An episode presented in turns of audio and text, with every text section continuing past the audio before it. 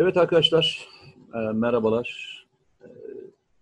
E, PKK'yı konuştuk, PKK'nın eylemlerini konuştuk. PKK'nın e, Türkiye'deki e, neyi stratejik olarak hedef koyduğunu. Çünkü sahada e, kaybeden e, PKK terör örgütü bunları başka türlü nasıl elde edebileceğinin e, çalışmasını yaptığını anlatmaya çalıştık. Nasıl yaptığını anlatmaya çalıştık. Şimdi e, müsaade ederseniz bu haftanın en çok konuşulan konusu atlarsak da hepiniz bize muhtemelen e, sıralarsınız gibi geliyor. E, memleketin bugünlerde en çok konuştuğu birinci konu nedir diye sorarsınız herhalde Covid demeyiz değil mi? Ne deriz? Yok, gündem Ay, değişti tabii. E, Ay, Ayasofya deriz. Ve Ayasofya'yı e, konuştu. Yani basın buna girdi, diğer konular girdi. Biz de en son Habertürk'teki Reis Ateş'in sunduğu Habertürk gündemde e, tartışmaya e, çalıştık. Elimizden geldiği kadar e, dillendirdik ama biraz daha uzun bir e, süreç içerisinde bunu atmaya çalışalım. E, evet. Çok ilginç şeyler söyledin. Hatta e, bir kısmı Twitter'da sen de paylaştın e, söylemlerini. Evet. E, üstüne eklemek istediklerin varsa evet. senden başlayalım. Şimdi şöyle bu e, Ayasofya e, Camii'nin e, müze olarak kullanılması çok uzun yıllardan beri değişik siyasi grupların e, kullandığı e, bir araç idi. E, çatışma alanlarından bir tanesiydi. Ne zaman Türkiye'de böyle hani işte Türk-Kürt, Alevi, Sünni veya işte e, laik, muhafazakar kavgaları gibi bildiğimiz e, çatışma alanları gibi Ayasofya'da böyle bir çatışma alanı. Ama artık e, Türkiye'nin koşulları e, bunun değişmesi gerektiğini söylüyor. Neden? Çünkü Türkiye e, artık birçok yönden 15 Temmuz darbe girişimini çok milat almalıyız bu konuda. Yani 17-25 Aralık'ı milat alanlar var ama Türkiye'nin asıl değişimi ve dönüşümü konusunda 15 Temmuz darbe girişimini, FETÖ'nün darbe girişimini esas almalıyız. O günden beri Türkiye siyasetçilerin ağzında yerli milli dediği bir strateji, bir politikayı çok daha etkili bir şekilde uyguluyor ve bunun yurt içinde ve yurt dışında yansımalar var. İşte Libya operasyonuna kadar, e, Suriye topraklarına yapılan operasyonlar gibi e, Türkiye içinde de artık e, bir bir havanın, bir psikolojinin var olduğunu e, söyleyebiliriz. O da ne? Artık Türkiye'ye Türkiye gerçekten NATO koridorlarında Amerikan Dışişleri Bakanlığı veya Beyaz Saray'ın e, salonlarından veya Avrupa Birliği'nin parlamentosunun kulislerinden yönetilecek bir ülke e, hüviyetini ya da görünümünü e, vermiyor. Kimseye vermiyor. Artık öyle bir özellik yok. Türkiye artık kendi içinde e, ve bunu siyaset de böyle algılıyor. Türk insanı artık bu konuda çok e, bilgi ve çok de, deneyim sahibi. İktidar da muhalefet de buna uygun davranıyor. Ee, özellikle MHP'nin ve AKP'nin oluşturduğu e, Cumhur İttifakı bu konuda önemli bir e, şey çiziyor. E, bir yol yol haritası çiziyor ve e, iç içe bakarak yani Türkiye'nin içindeki gelişmeleri, içindeki sosyolojiye, içindeki ekonomiye bakarak ancak siyasette üretebileceğinizi e, görüyorsunuz. Ama buna rağmen hala e, dışarıya bakarak rota çizmek isteyenler var. İşte e, ekonomik sıkıntılar var mı? Var. İşsizlik var mı? Var. Peki bunları nasıl giderirsiniz? IMF ile borçlanarak diyenler de var. Avrupa Birliği'ne borçlanarak, Avrupa'ya borçlanarak şöyle faizler düşük, bu kadar e, ucuz kredi bulabiliriz diye yapanlar var. Hala Avrupa Birliği kriterleri diye uyduruk bir şeylerin peşine koş, koşturanlar var. Ee, önemsiz, önemli, önemsiz olduğu için söylemiyorum tam tersine. Önemli ama o kriterlere yaratıcılarının hiçbir saygısı olmadığı için o anlamda söylüyorum. Ve bunları sanki bize bir havuç gösterilmiş gibi peşine koşturmaya çalışan bir zihniyet var ve bunun içerideki acentaları var. Ama artık Türkiye bundan sıyrılıyor. Yani ben Türkiye'de siyasette başarısız olanların bu iç dinamiği yeterince görememesine bağlıyorum. Yani içeride hani yurtsever, hani milli yerli dedikleri ama yurtsever, vatansever insanların, kitlelerin, halkın e, o geldiği psikoloji, o sosyolojik vaka e, göz ardı edildiğinde e, efendim Avrupa Birliği ve Amerika ne der e, noktasına kitlenirsiniz ve ülkenize hiçbir şey üretemezsiniz. Nihayet bu Ayasofya çatış Ayasofya konusu da biraz tam bu e, yere geldi. Yani Oturuyor. bu söylediğim bağlamda tartışılıyor. Neden? Ee, bir süredir Ayasofya konusu e, gündemde ve e, özellikle Cumhurbaşkanı Erdoğan buranın açılması konusunda bir hazırlık yaptırmak istediği söylendi. Ama geçen gün televizyon programında vardı. E, Danıştay da açılmış bu konuda bir Bakanlar Kurulu kararının iptali, müze olması yönündeki kararın iptali konusunda karar şey var, e, duruşma yapılacak. E, karar 3, 3 Temmuz gibi herhalde çıkacak. Eğer lehye olursa yani karar, e, Bakanlar Kurulu kararı iptal olursa o tarih 1934 tarihli karar o zaman e, muhtemel bir kararnameyle de Ayasofya tekrar ibadethane haline yani bir cami haline dönüşecek. Peki. E, buna işte tam bu deminden bahsettiğim giriş, girişte anlattığım konu bu bağlamda şuna oturuyor. Bir baktım gerçekten birileri ki buna yurt dışında bazı şeyler de var, uzantılar da var. E, başladılar dünya ne der?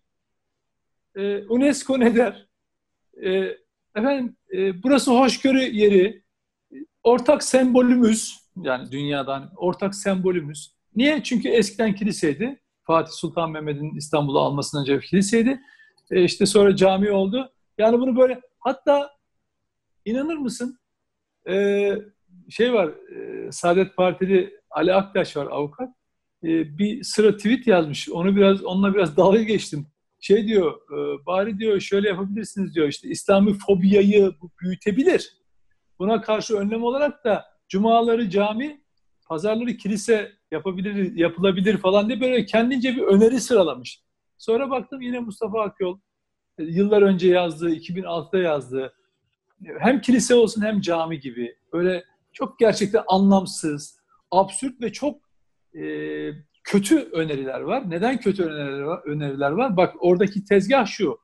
Sen orayı e, cami hüviyeti yanında bir başka ibadethane hüviyeti verdiğin an artık sen oranın hakimi değilsin. Aynı Kudüs'teki e, kilise gibi olur.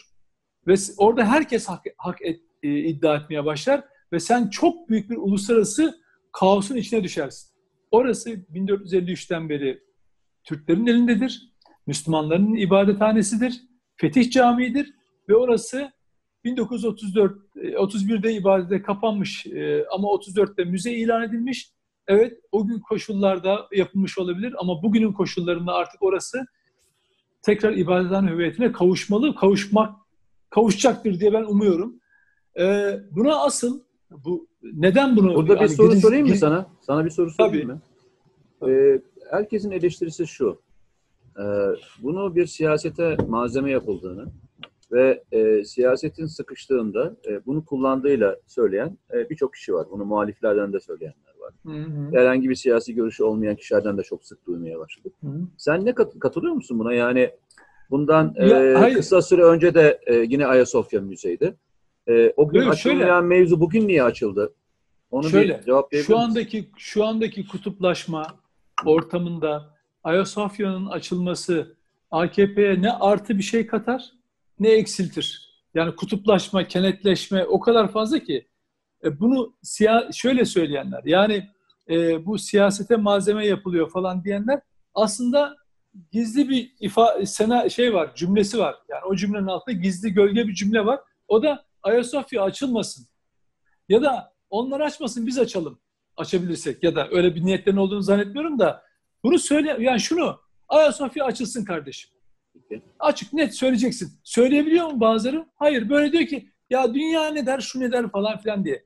Bu ben bu siyaseten kullanışlı falan. Siyaseten kullanışlı olsa şöyle yapar Erdoğan bunu. Ya da MHP, e, hükümet, devlet neyse. Bunu yayar. Biz 2-3 yıllık takvim içinde aldık der. Bunu bunu sürekli kullanır. Ama bakın çok net bir takvim. Eğer ikisini de Danıştay bu konuda e, bakanlar kolunu iptal ederse biz kararname çıkaracağız diyor. Kullanışlı değil. Ama Ayasofya Camii'nin açılması şu anlamda Türkiye'nin artık Türkiye'den yönetileceği, böyle dışarıdaki güçlere bakarak değil. Neden? Burada çok incitici bir durum var. Yani eğer Türk'üm, Türkiye Cumhuriyeti vatandaşıyım diyor diyen herkes şu Ayasofya'da Ramazan'da e, Fetih e, suresinin oku, e, okunmasına Yunanistan'ın gösterdiği tepki karşısında alarm olmalı. Sen kimsin de e, Fetih günü e, okunan e, Fetih suresine, Ayasofya'da okunan Fetih suresine itiraz ediyorsun. Senin ne hakkın var? Kimsin sen? Yunanistan'a demek ulus ancak ulusal bilinci olan insanların işidir. Dolayısıyla bu şunu gösteriyor. Bu asla ertelenmeden Yunanistan'ın bu tavrı bize gösteriyor ki Ayasofya'nın e, tekrar ibadete açılma kararı asla geciktirilmeden uygulanmalı ve yani öyle 2023 falan seçimleri falan beklenmeden mutlaka ibadethane olarak yani hatta bu yıl, bu ay, gelecek ay içinde e, e, uygulamaya geçmeli ve e, Ayasofya gerçek hüviyetine o anlamda kavuşmalı. Çünkü orası e, yüzyıllar boyunca Müslümanların ibadethanesi olmuş. E, öyle hani böyle kılıç hakkı falan filan diye böyle sert bir kelime falan değil. Orası bir ibadethane ve oranın açılması Türk milletinin arzusu, e, hakkın arzusu. Dolayısıyla e, inşallah o günlerde göreceğiz. Onu gören kuşaklardan olacağız. Çünkü bu millet bak Araya hocam gireyim. 15'te Araya gireyim bir mi? saniye tek cümle 15 Temmuz darbe girişimine böyle direnmiş bir millet var ya övgülerin en büyüğüne layık. Her şeyin en büyüğüne layık. Dünyada örneği olmayan, Avrupa'sı, Amerika'sı örneği olmayan bir mücadele vermiş bir halktan bahsediyoruz. Öylesine korkunç bir ihanet karşısında. O yüzden inşallah Ayasofya açılacak ve insanlar orada e, bütün şehitlerimizle beraber yani Çanakkale'den, Kurtuluş Savaşı'ndan, Kore'de, Kıbrıs'ta 15 Temmuz'da şehit olanlar için, Güneydoğu'da şehit olanlar için, teröre karşı e, şehit verdikleri için hep beraber dua edeceğiz inşallah. Ee, çok teşekkür ederim. Biraz uzun bir gizli, gizli yaptım. Evet, evet, evet maalesef. Ee, şimdi şöyle söyleyeyim. Ee, Ben yalnızca olaya tek başına Ayasofya olarak bakmıyorum. Ee, hatırlar mısın Türkiye Avrupa Birliği'ne giriş sürecinde e, e, Türkiye'deki vakıf malların iadesi ve vakıf arazen iadesiyle ilgili birçok e, adım attı. Ee, birçok e, kilise e, o dönemde açıldı, birçok şey açıldı. Açılsın yani. E, herkesin ibadeti anlamında e, bir sıkıntımız yok. E, ama bunun karşılığını biz hiçbir şey görmedik. Yani yalnızca Ayasofya'ya eşit olan başka bir durumda yani sanki Avrupa'da cami var mı, onlar daha mı hoşgörülü, biz daha mı hoşgörülüyüz tartışması ötesinde. bütün dünyada bir karşılıklık ilkesi vardır. Yani sen bana vize koyarsan ben sana vize koyarım. Sen bana gümrük vergisi koyarsan ben sana gümrük vergisi koyarım. Sen benim e, bendeki azınlığa haklarını ihlal edersen ben de senin azınlıkların haklarını durdururum. Bu karşılıklık ilkesidir. Ve dünyanın her tarafında da çok geçerlidir. Birincisi Ayasofya'ya gitmeden önce Batı Trakya Türklerini Türk olarak görmeyen, bir Müslüman azınlık olarak gören ama Müslüman azınlık görmesine rağmen de onlara Müslümanların yapması gereken hakları vermeyen bir Yunanistan'dan bahsediyoruz değil mi? Yalnızca bir camiden bahsetmiyoruz. Yüz binlerce insandan bahsediyoruz. Şimdi Türkiye'de e, bu Ayasofya konusunda bu kadar çok e, ahkam kesenler, e, bu kadar çok e, evrensel laflar kuranlar, Batı Trakya'daki Müslümanlar için hiç kurduklarını gördün mü? Yani e, burada Evet. burada o kadar büyük bir e, çifti standart var ki veya sana başka bir şey söyleyeyim. Şimdi devamlı bir mevzu açılır Türkiye'de. Bir mevzu açıldığında hemen şu konuşulur. İşte siz de Diyarbakır'da, işte AK Partililer için söylüyorum, siz de orada megri megri dediniz. Tamam mı? Hani var ya şimdi CHP-HDP ilişkisi hikayesi. Ya arkadaşlar ben size bir şey söyleyeyim. Ee, işte Türkiye ne zaman Barzani ile bir şey konuşsa hemen mevzu şöyle gider. Vay siz e, Kürtlerle iş, işbirliği yapıyorsunuz. PKK ile işbirliği yapan bir e, grupla temas kuruyorsunuz. Ya ben de o zaman soru sorayım. Ya arkadaş FETÖ'cülere sahip çıkan, DHKPC'ye sahip çıkan, Abdullah Öcalan'a pasaport veren, Abdullah Öcalan'ı kendi Kenya Büyükelçiliğinde koruyan bir ülkeye niye o kadar sık gidiyorsunuz o zaman? Hı? Megri megri deseniz daha şey olacak yani daha iyi olacak ya. Megri megri Niye deseniz, gidiyorlar? Ha? Evet, Hayır, şimdi şunu söylüyorum. Evet, niye gidiyorlar? Şey hep söylerler. E, yiyecekler çok ucuzmuş. Tamam çok ucuz. İçecek çok çok ucuz. E, tamam e, başkası da şey der. E, Irak'taki Erbil bölgesi ucuz der. Orada daha çok iş var der. Bir sürü şey söyler. Yani herkesin kendisine göre bir bakış açısı var. Bir taraf o tarafa Evet. bakıyor, bir taraf bu tarafa bakıyor.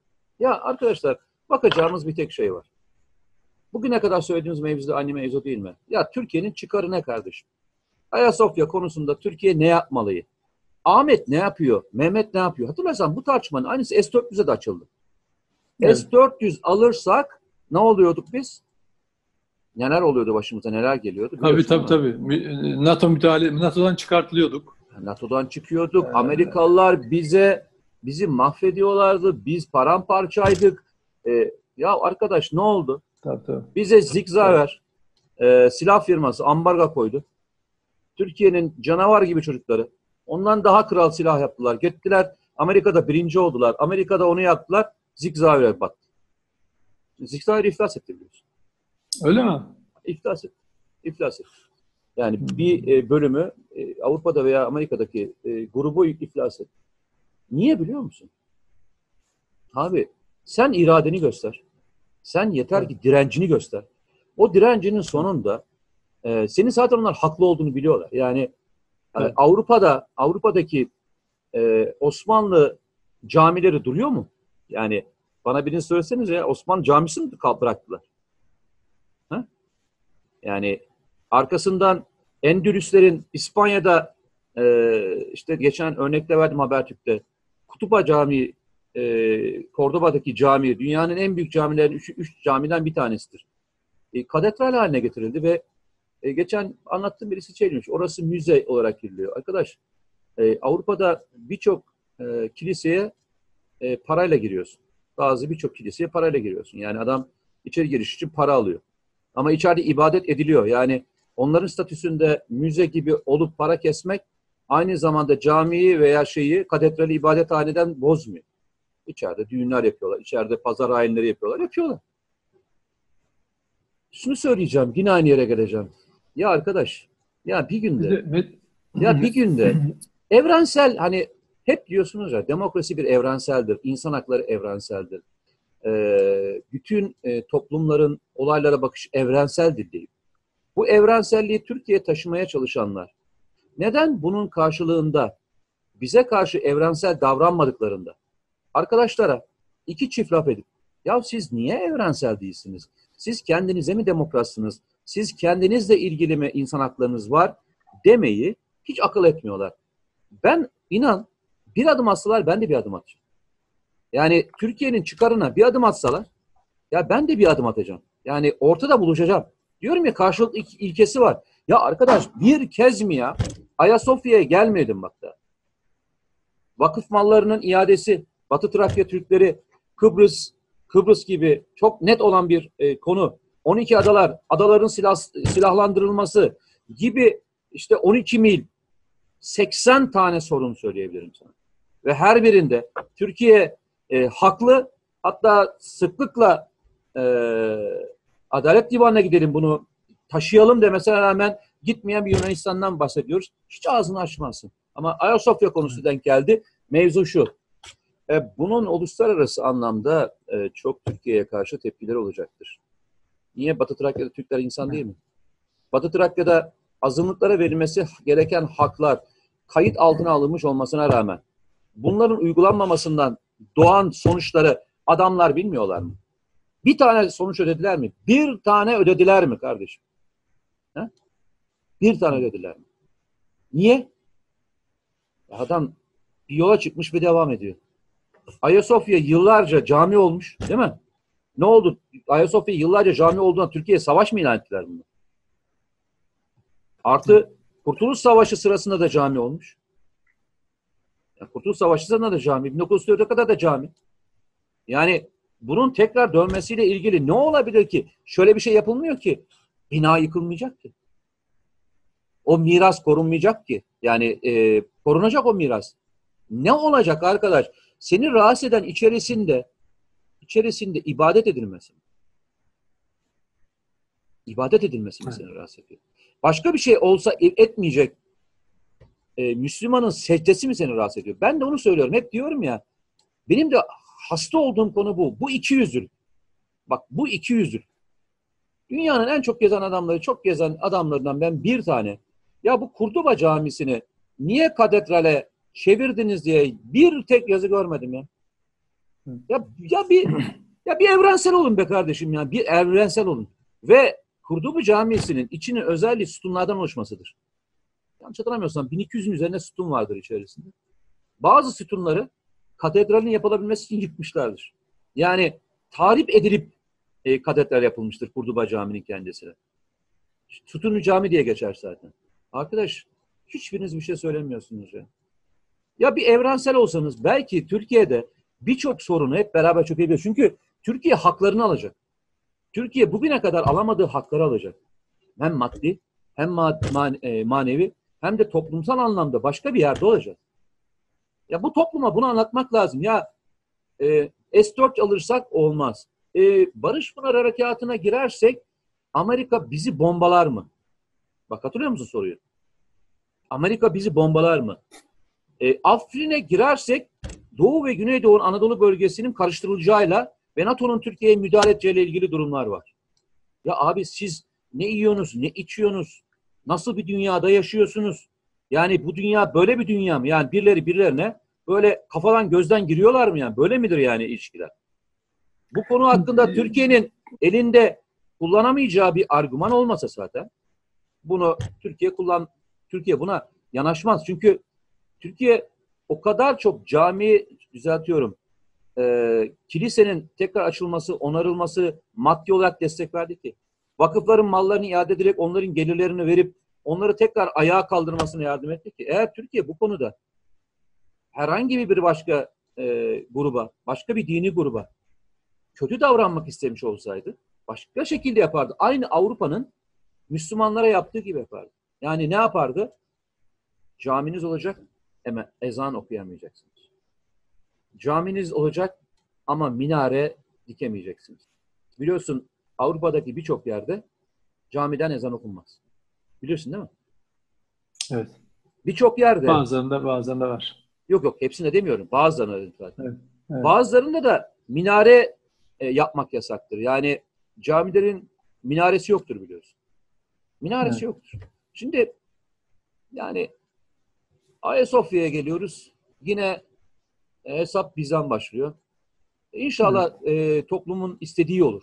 Ben bu konuda e, Türk toplumunun bir referandum yapılması taraftarıyım. Açık ve net söyleyeyim. Yani ha, yok yok yok ona ona ona ben Niye? ben ona hiç onu söyleyenlerde bunun Niye? referandum olacak bir konusu yok. Niye Mesela, abi? şimdi anlat anlattığın konuya şöyle bir e, açılım ay ben getirmek için, isterim. Ay ben referandum niye yapılsın diye söylüyorum. Referandum masraf gereksiz mi? Gereksiz. Ya abi başka bir şey içine konur. Başka bir referandum zamanında bu da e, referandum olarak içine konur. Ve bu, ne, bu neden? uzayacak bir konu değil. Ben sana söyleyeyim. Bu, bu konu Temmuz ayında hallolacak bir konu. Göreceğiz. Bence bu Temmuz ayında hallolacak bir konu. Şundan dolayı bak. Şimdi e, bizim Ayasofya'yı e, müze haline getirmemizin e, dünyada mütekabiliyet esasına dayalı hiçbir karşılığı yoktur. Yani hiçbir olay yoktur. Yok. Bizim tek yani 1934'te tek Bu bizim tek taraflı aldığımız bir karar. Tek aldığımız bir karar. Aynen. Yani bakanlar kurulu kararı Atatürk'ün imzası olduğu söyleniyor ama o da tartışmalı bilim adamları tarafından. Önemli değil. Tamam bir ama bir bakanlar kurulu kararı alınmış.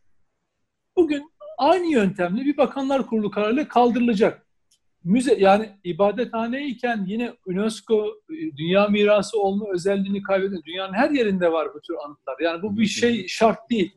Dolayısıyla hani Kordoba'daki caminin veya bir başka şeyin örnek ver, vermek de çok gerekmiyor. Tek başına Türkiye bunu e, uygulayacak kardeşim. Bu benim egemenlik hakkım, yasal hukuki hakkım. Hiç kimseye de hesap vermez. Sadece kendi ile ilgili bir konudur. Ben e, yani şu Ayasofya konusunda hani belki herkes yaşamış olabilir biliyor musun o duyguyu? İlk gittim 1980'li yıllarda. Herhalde 200 sefer gittim. Daha fazla gitmedim. Nedenini de söyleyeyim. Gidemedim yani. Ee, şimdi çocukluğumuzda camiye giderken ne yani her zaman camiye giderken ne yaparız ama çocukluğumuzdan beri camiye giderken e, girişte ayakkabıları bırakırsın ya. Şimdi ben ilk kez hayatımda bir camiye girdim ve ayakkabıyla girdim. İnan ki böyle rahatsız oldum. Tamam böyle şey oldum. Ee, yani bir şey yanlış yapıyormuşum gibi geldi bana. Hı hı. Aslında yanlışı ben yapmıyorum. Orada da bir yanlış var. Ayasofya aslında e, ayakkabılarla girilen bir müze değil, e, e, bir ibadethane e, şeyinde, özelliğinde olmalıydı. O günkü yanlış oydu. Şimdi daha sonra kızımla falan gittim. Daha fazla da gitmedim. Neden biliyor musun? Oraya girdiğim zaman ayakkabıyla girdiğimde ben suçluluk duygusu hissediyorum. Çok tuhaftır sana. E, geliyor olabilir ama gerçekten Yok, bunu hissedenler de muhtemelen Hayır. vardır Hayır. ondan sonra. Ve ondan sonra çok fazla da gitmedim. Yani şey- hani şeyde de hani kiliseye de nasıl giriliyorsa öyle giriyorum ya da başka yani ziyaret ettiğim zaman eğer bir ibadethaneye ama öyle bir duygu yaratır bende. Üzerime öyle bir sorumluluk yükler. İnşallah bunların hepsi aşılacak ama şunu söylemek istiyorum. Ee, yani o günleri ben çok uzun vadede olmadan bir şekilde görmek istiyorum. Şehitlerimiz için bu ülkeyi kuranlar, kurtaranlar herkes için dua etmek istiyorum orada. İki, hiçbir şekilde bir başka e, ülkedeki durumla Türkler, Türkiye'dekiler bunu kıyaslamasınlar. Çünkü bunun hiçbir karşılığı yok. İstanbul tek olduğu gibi Ayasofya'da tek ve bir fetih camii olarak yıllarca e, görevini yapmış, ibadethane özelliğini korumuş. Hiçbir yani e, başkası ne yap ne yapmış, ne yapar, ne der hiç önemli değil. Önemli olan artık Türkiye'nin gerçekten e, şu, ya işte uluslararası operasyonları dahil olmak üzere yap, ha, işte koronavirüsü konusunda dahi olmak üzere bilim bilgi anlamında insan e, hoşgörü veya ne diyelim ona e, inanç hürriyeti diyelim ya da ne diye ne, diye- ne diyecek toplumsal uzlaşı Ya diyelim. hiçbir şey Artık abi koşullar şey koşullarının hazır olduğunu ve çok e, gecikmeden hatta Danıştay kararı yani hukuki engel midir bilmiyorum ama bir bak bir kararnameyle bunun kaldırılıp e, çok hızlı bir şekilde bu Temmuz ayı içinde ve inşallah da dilerim ki 15 Temmuz'a da yetişir. E, o gün onlar e, da e, o gün onlar için de orada dua etmiş oluruz. E, Eyvallah. ve Tür- Türkiye'de bir gerilim hani hep birileri gerilim yaratmak ister ya bu konudan marjinal gruplar dahil. Ondan da kurtulmuş oluruz. Ülke için çok faydalı ve hayırlı olur diye düşünüyorum. Eyvallah diyelim.